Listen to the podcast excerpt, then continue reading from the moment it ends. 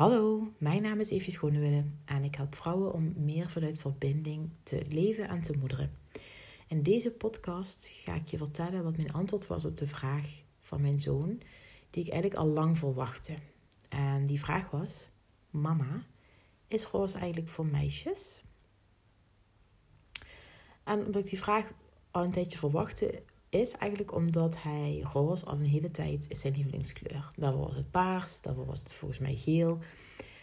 Maar roze is wel al een hele tijd echt steady. Dus hij heeft roze regenlazen bijvoorbeeld, roze sloffen op school. Op zijn school doen ze in de gang de, de schoentjes uit en dan sloffen aan voor in de klas. Roze truitjes soms. Als er iets gekozen mag worden van knutselpapier of versiering is het eigenlijk altijd roze. En ja, voor ons is dat gewoon helemaal prima. Je mag gewoon zijn voorkeur hebben en zijn niet zo bezig met jongen of meisje. Maar ik dacht wel, ja, dat gaat natuurlijk bij leeftijdsgenootjes misschien wel eens vragen oproepen. Wat ook helemaal niet zo gek is of erg is.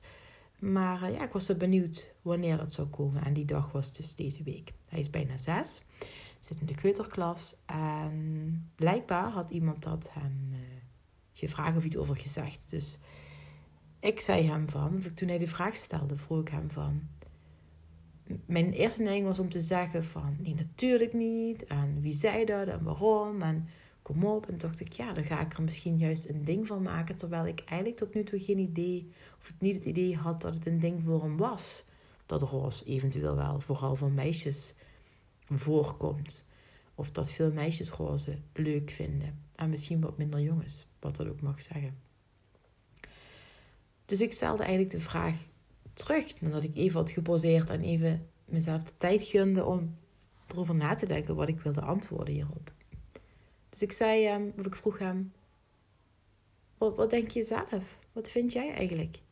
Nee, nee mama, nee, roze is, is voor jongens en voor meisjes. Er kwam geen toch achteraan, zo van toch, geen vraag, hij was aan het spelen en hij bleef spelen. Hij keek me even zo aan, zo van, hm, dat is het eigenlijk. Zeg, oh ja. Zeg, hoe kom je er eigenlijk bij? Ik dacht wel even nieuwsgierig. Ja, noemde die een naam van een meisje op school, op het speelplein, die dat tegen hem zei over zijn laarzen.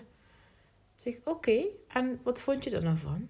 Ja, niks. Zo van, hij was er blijkbaar niet echt van onder de indruk. Hij had zich niet vervelend of gepest of iets gevoeld, maar het had hem wel blijkbaar aan het denken gezet. Van, goh, waar, waar komt hij mee? En dat vond ik wel mooi, dat hem dat zo opviel. Van, het is ook eigenlijk helemaal niet raar. Waarom vraagt hij dat aan mij? En uh, ja, op die manier uh, probeer ik hem ook zijn eigen dingen te laten vormen. Hoe hij over dingen denkt. En hem uh, ja, daarmee hopelijk een leidraad te geven om zelfsturend deze wereld verder te mogen betreden en in te gaan en te blijven. Ik hoor graag wat je ervan vond. En misschien tot een volgende keer. Heel graag in deze podcast. Hi.